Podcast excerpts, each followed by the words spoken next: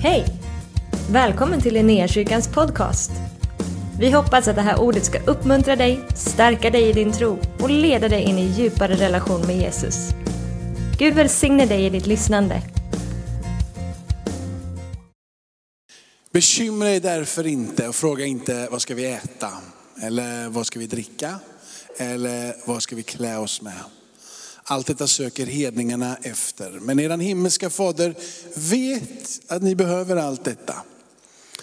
Nej, sök först Guds rike och hans rättfärdighet så ska ni få allt det andra också.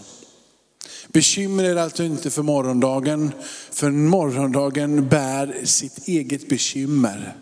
Var dag har nog med sin egen plåga. Kan du inte hosta upp en hemja igen då?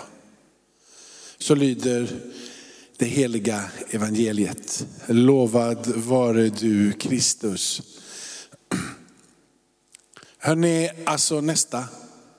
Det är ju sju, Gud är med dem, Gud leder dem och han ger dem liksom, tar sin goda andan, undervisar dem. Men det som är det märkligaste för mig är ju nästintill det som står i nästa vers. Att han har gjort allting det innan är ju helt, eh, ja amen, wow.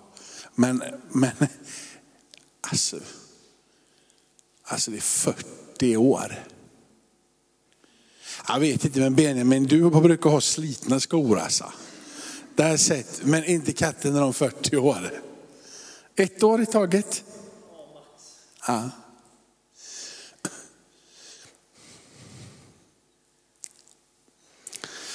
Jag vet inte vad jag ska gå för en utbildning till hösten. Och jag vet inte vad jag ska köpa för några kläder på söndag. Och jag vet inte vad jag ska äta imorgon. Och det livet är så jobbigt för inga Alvedon hemma. Eller? Det är ganska mycket som vi, som vi oroar oss för. Ganska mycket som vi liksom lägger på en nivå som är helt orimlig. Det är ganska mycket som är onödigt. Predikan för idag är ett är nödvändigt. Och vi, liksom, vår kalender är full av ovärderliga saker, absolut. Vi värderar dem väldigt, väldigt högt på många, många sätt. Men det är ganska mycket som är ganska, ganska mycket onödigt. Det är liksom, det, det är inte, ja, vi kan ja, på riktigt. Eller? Och så har du det här ordet som den här predikan, temat för den här kvällen. Ett är nödvändigt. Vad är detta? Ett. Alla bara, men halleluja, det är ju Jesus. Men är det, är det så enkelt att prioritera? Är det så enkelt att komma till den platsen där du värdesätter det mest av allting? Är det så enkelt? För mig är det, det är inte alltid så enkelt. För det är väldigt, väldigt mycket som man känner är nödvändigt. Men vad är egentligen nödvändigt? Vad är den livsuppehållande nerven för dig? Vad är det du sätter ditt fokus Vad är det du hämtar din kraft till att resa dig upp på morgonen? Vad är det som gör att du hela tiden motiverar att röra dig framåt? Om det ytterst sett en utbildning som är det som du gör, att du reser dig upp på morgonen, det är det som gör att du får fart under skorna, det är det som gör att du går och lägger dig tidigt på kvällen och går upp tidigt på morgonen. Om det är din utbildning som är där. Om du sen då inte lyckas med din utbildning, vad händer då? Om det är din familj som är det viktigaste i hela universum, värdesätter din familj över allting och det ska du göra. På många sätt värdesätta dem. Men när din familj är det du lever för, det är den du jobbar för, det är den du sliter för. Det är den du, och sen så är plötsligt så står inte din familj där en dag, för ni har blivit oense.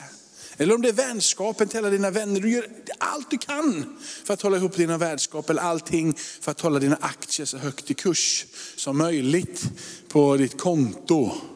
Och så faller hela marknaden. Vad händer med livet? Och dina bekymmer, dina oro. Oro tränger sig in vad du än, hur du än gör på något sätt i livet. Men det är väldigt stor skillnad på att leva i oro och leva i omsorg. Och ibland så tror jag att vi skulle behöva lyfta begreppet omsorg och liksom ställa oro lite mer under fötterna. För oro är det som gör att du faktiskt, eller är det bara jag som ligger sömnlös på nätterna någon gång ibland? Oro är det som gör att du liksom, nu var det kämpigt att lägga mig och somna. Det var ganska enkelt att kanske sätta mig i soffan, men huvudet spinner som det bara liksom. Och helt plötsligt så händer någonting i hela ditt system i din kropp. Du kan inte sova. Och du får till och med problem, kanske rent liksom fysiskt, för att du blir lite snurrig i skallen, själen börjar gnugga lite. Och helt plötsligt så har du ingen aning om var du är på väg. Vad som händer när du får sova med, är att du blir så sjukt stressad. Du blir så stressad för att du inte kan sova. Du kan inte sova för att du inte kan sova. Och helt plötsligt så går alla hjärncellerna liksom cirkus inne i huvudet. Och helt plötsligt så börjar din själ på din insida att bli lite vriden. Din själ på din insida hänger inte riktigt med i det tempot som din hjärna och allting som händer runt omkring dig. Och så börjar du bli utan, och så börjar det som är andra saker plocka på och helt plötsligt så har du tappat kontrollen över dig själv. Och så gör du sånt som du inte vill. Och när du rent krasst har kommit till den platsen att du både fysiskt utmattad och själsligt är bara helt skadad på insidan så du märker att du tar beslut som du inte gillar så börjar detta få praktiska konsekvenser. Liksom Eller? Det blir svårt att börja jobba. Och när du väl jobbar så är du arg på en kollega. Och när du väl försöker kämpa så händer ändå någonting, du sparkar i väggen. Så helt, helt plötsligt så börjar den praktiska, liksom, det funkar inte som det ska. Och sen så går det vidare, för när det börjar bli på det här sättet och du kan inte fundera praktiskt på ditt arbete, vad du än gör, så börjar det gå ut över det sociala livet. För antingen blir du arg, du blir småirriterad och du går omkring där och surar lite granna. Du orkar inte längre riktigt ringa upp den där kompisen som du vet att du borde ringa, eller mamman och säga att jag älskar dig. För att det är ju så ockuperad med ditt eget bekymmer som har trängt sönder både din själ, din fysiska kropp och hela ditt liksom förmåga att agera. Och på detta så har du gjort din egen ande liksom fången för det som du står och säger med ditt liv är att Jesus är högst upp över alltihop. Och halleluja, han sitter på tronen och han regerar från evighet till evighet. Men den här oron har gjort att du har liksom gått en nedåtgående spiral så till slut så till och med har du fångat din ande på något sätt i ett fångenskap utav din egna liksom snurr och trubbel. Och det som händer då är att du helt plötsligt bara tappar helt och hållet din frimodighet i din tro. Och så glider Jesus in. Och när Jesus glider in och säger en del saker så är det helt enastående hur smart han är. För han berättar massor med olika saker, till exempel i kapitel 5, kapitel 6, kapitel 7, som jag brukar säga ganska ofta när jag predikar. Men han avslutar dessa tre kapitel på ett helt underbart sätt. Han börjar den här berättelsen om det där huset som står på berg och ett hus som står på sand. Det är samma typ av storm och vind som kommer. Det ena huset faller samman och det andra står kvar. Det som står kvar är det som står på berget. Det lär vi oss, många av oss i söndagsskolan. Liksom. Men det som borde trummats in i ditt och mitt liv, som vi ibland har glömt. Vi kommer ihåg berättelsen och vi kommer liksom, kan liksom säga att det gäller att hålla sig fast vid Jesus. Det är att när Jesus säger faktiskt att den som lyssnar och håller sig till vad jag säger och gör det jag säger, han är en förståndig man. Han är den som är den förståndige. Han som handlar och lyssnar. Han som tar emot det här och gör så som det säger. Och vad är det Jesus säger emot oro? Jesus säger i kapitel 6, gör er därför inga bekymmer, utan och vi snurrar tillbaka en till. Vi tar den sen. Vi tar där. Sök först Guds rike och hans rättfärdighet så ni får allt andra. Bekymra allt sånt för morgondagen. Sök först Guds rike. Kanske det där som bara hela den som gör de här sakerna och den som handlar därefter, han liknar den här förståndiga mannen. Han som gör härefter, han som handlar härefter. Så då måste vi ställa oss den stora frågan med ett utropstecken. Ett är nödvändigt. Vad är det som är nödvändigt? Jesus har redan sagt det, det är ett sök Guds rike. Men vad är då Guds rike? Det enklaste sättet att kommunicera det, ett är nödvändigt, det är att se på Marta och Maria. Kapitel, kapitel kapitel 11. Nej, jag, jag tappar kapitel 11 nu. Jag måste bara, så att jag inte säger fel till er. i Lukas, Lukas 10, Marta och Maria.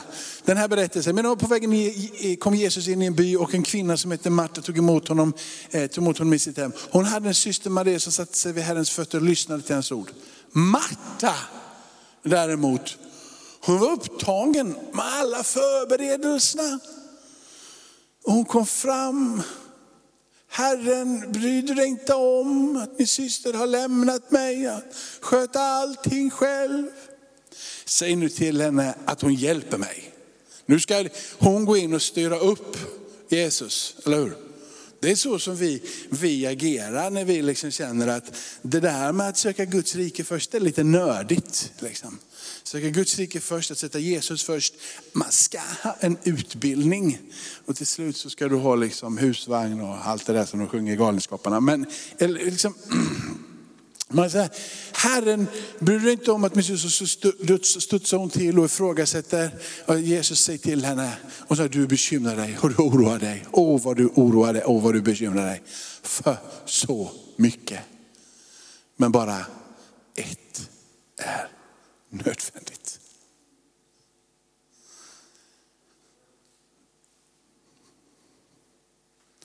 Paulus har greppat detta. Paulus har gjort ganska mycket. Han har omsorg om ganska många församlingar. Han har eh, rest runt, han har fått eh, både arbeta med sina händer, han har fått slita. Men han har hela tiden pekat också tillbaka till det som vi får läsa i, i Nehemja. Att det är faktiskt Gud som har varit med. Det är Gud som har varit barmhärtig, det är Gud som har lett dem i öknen. Det är Gud som har försett dem med vad de behöver. Det är Gud som har gett dem ande, liv, mat, ej utslitna kläder. Det är han som har försett dem. Och Paulus gör en, liksom, samma sak som vi läser om i Nehemja. Han sätter sätt fokus på honom. Nehemja gör det, han säger sätt fokus på honom. Kommer ni inte ihåg hur Gud agerade när han ledde dem ut ur Egypten? Kommer ni inte ihåg hur Gud har varit med? Och på samma sätt får du och jag är repetition, repetera om och om och om igen för oss själva. Det är därför som vi vill ha liturgi. Samma sak om och om igen. För att påminna oss om och om igen, repetition om och om igen. Vad som är grunden, vad som är den sanningen, vad vi ska stå fasta på, vad vi inte ska springa iväg i. Vi gillar det profetiska, vi gillar att flyga i anden, vi gillar att hoppa studsmatta eller på Vi gillar att göra liksom mycket saker som är lite halleluja. Men det finns vissa saker som när vi murar in dem i våra liv och vi återberättar berättelserna i evangelierna och vi återkommer till vad som är det viktigaste och det väsentligaste. Och när vi håller fast vid de där sakerna. Och det är det som profeterna gör när de hela tiden ständigt påminner dig om resan ut ur Egypten. Se hur Gud har varit trofast.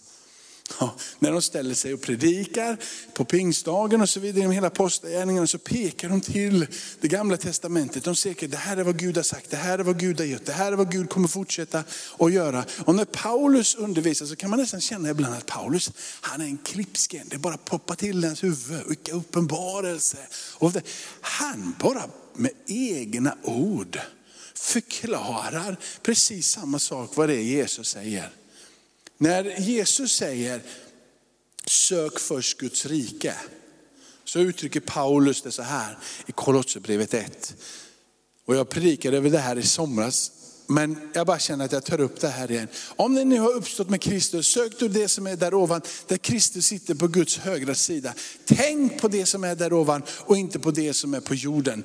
Det är som att Paulus säger samma sak som Jesus säger. Han säger det på sitt sätt för att poängtera hur lätt det är för dig och mig att hitta sådana där saker som vi fokuserar på, som har bara med det här fysiska att göra.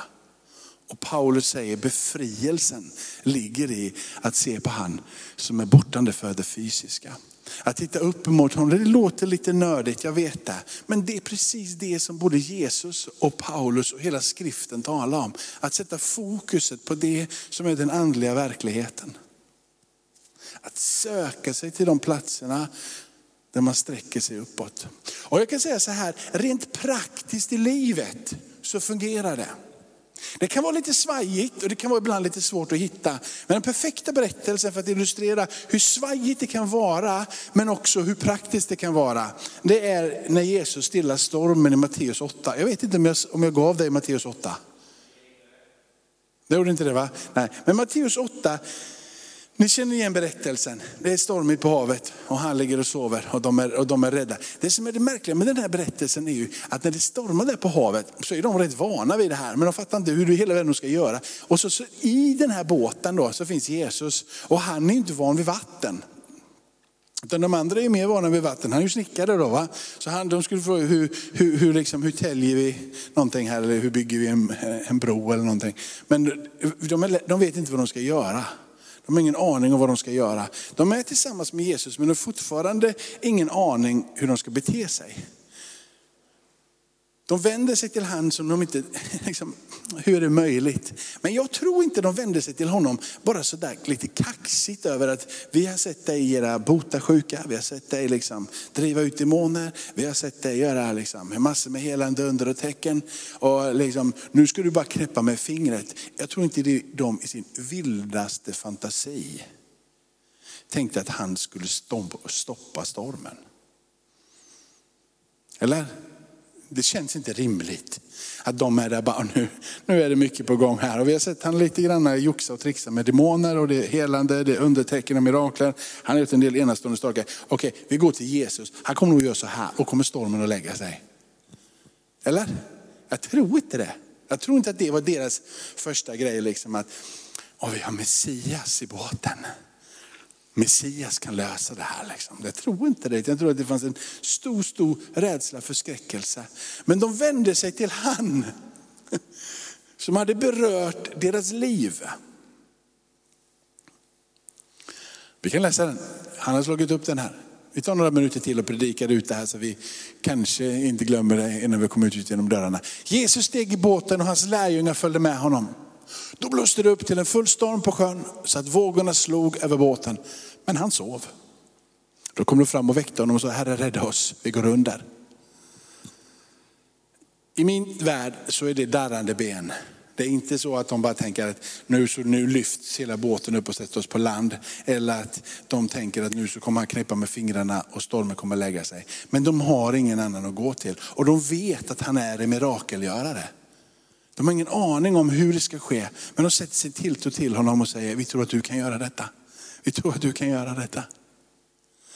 Så lite tro ni har. Varför är ni rädda? Så lite tro ni har. Sedan reste han sig och han talade strängt till vinden och sjön och det blev alldeles stilla. Männen häpnade och sa, vem är han? Till och med vindarna och sjön lyder honom. Om det nu är så att Jesus kan stilla en storm en fysisk storm där mitt i denna blåst och i vågornas kaos på något sätt.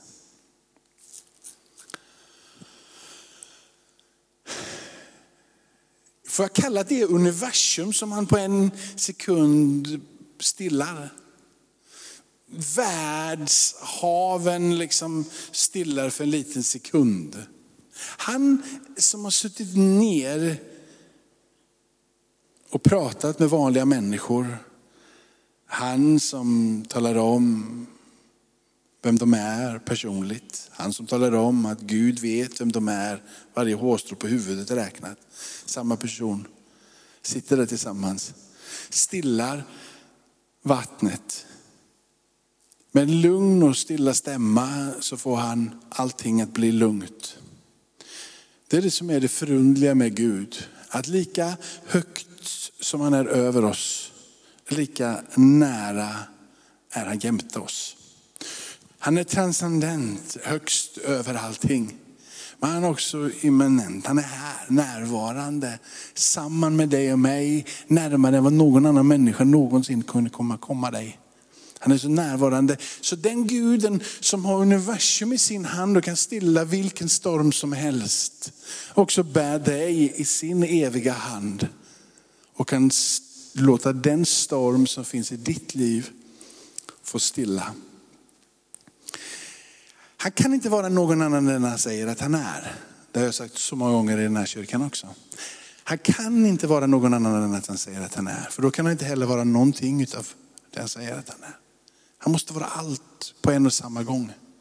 Vilket gör att om du och jag vacklar när det kommer till en sak, hans död och hans uppståndelse, då har vi inte längre någonting att hålla fast vid.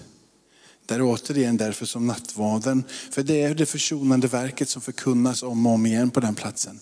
Så när du står där i stormen, försök inte få upp en tro på att Jesus kan hjälpa dig.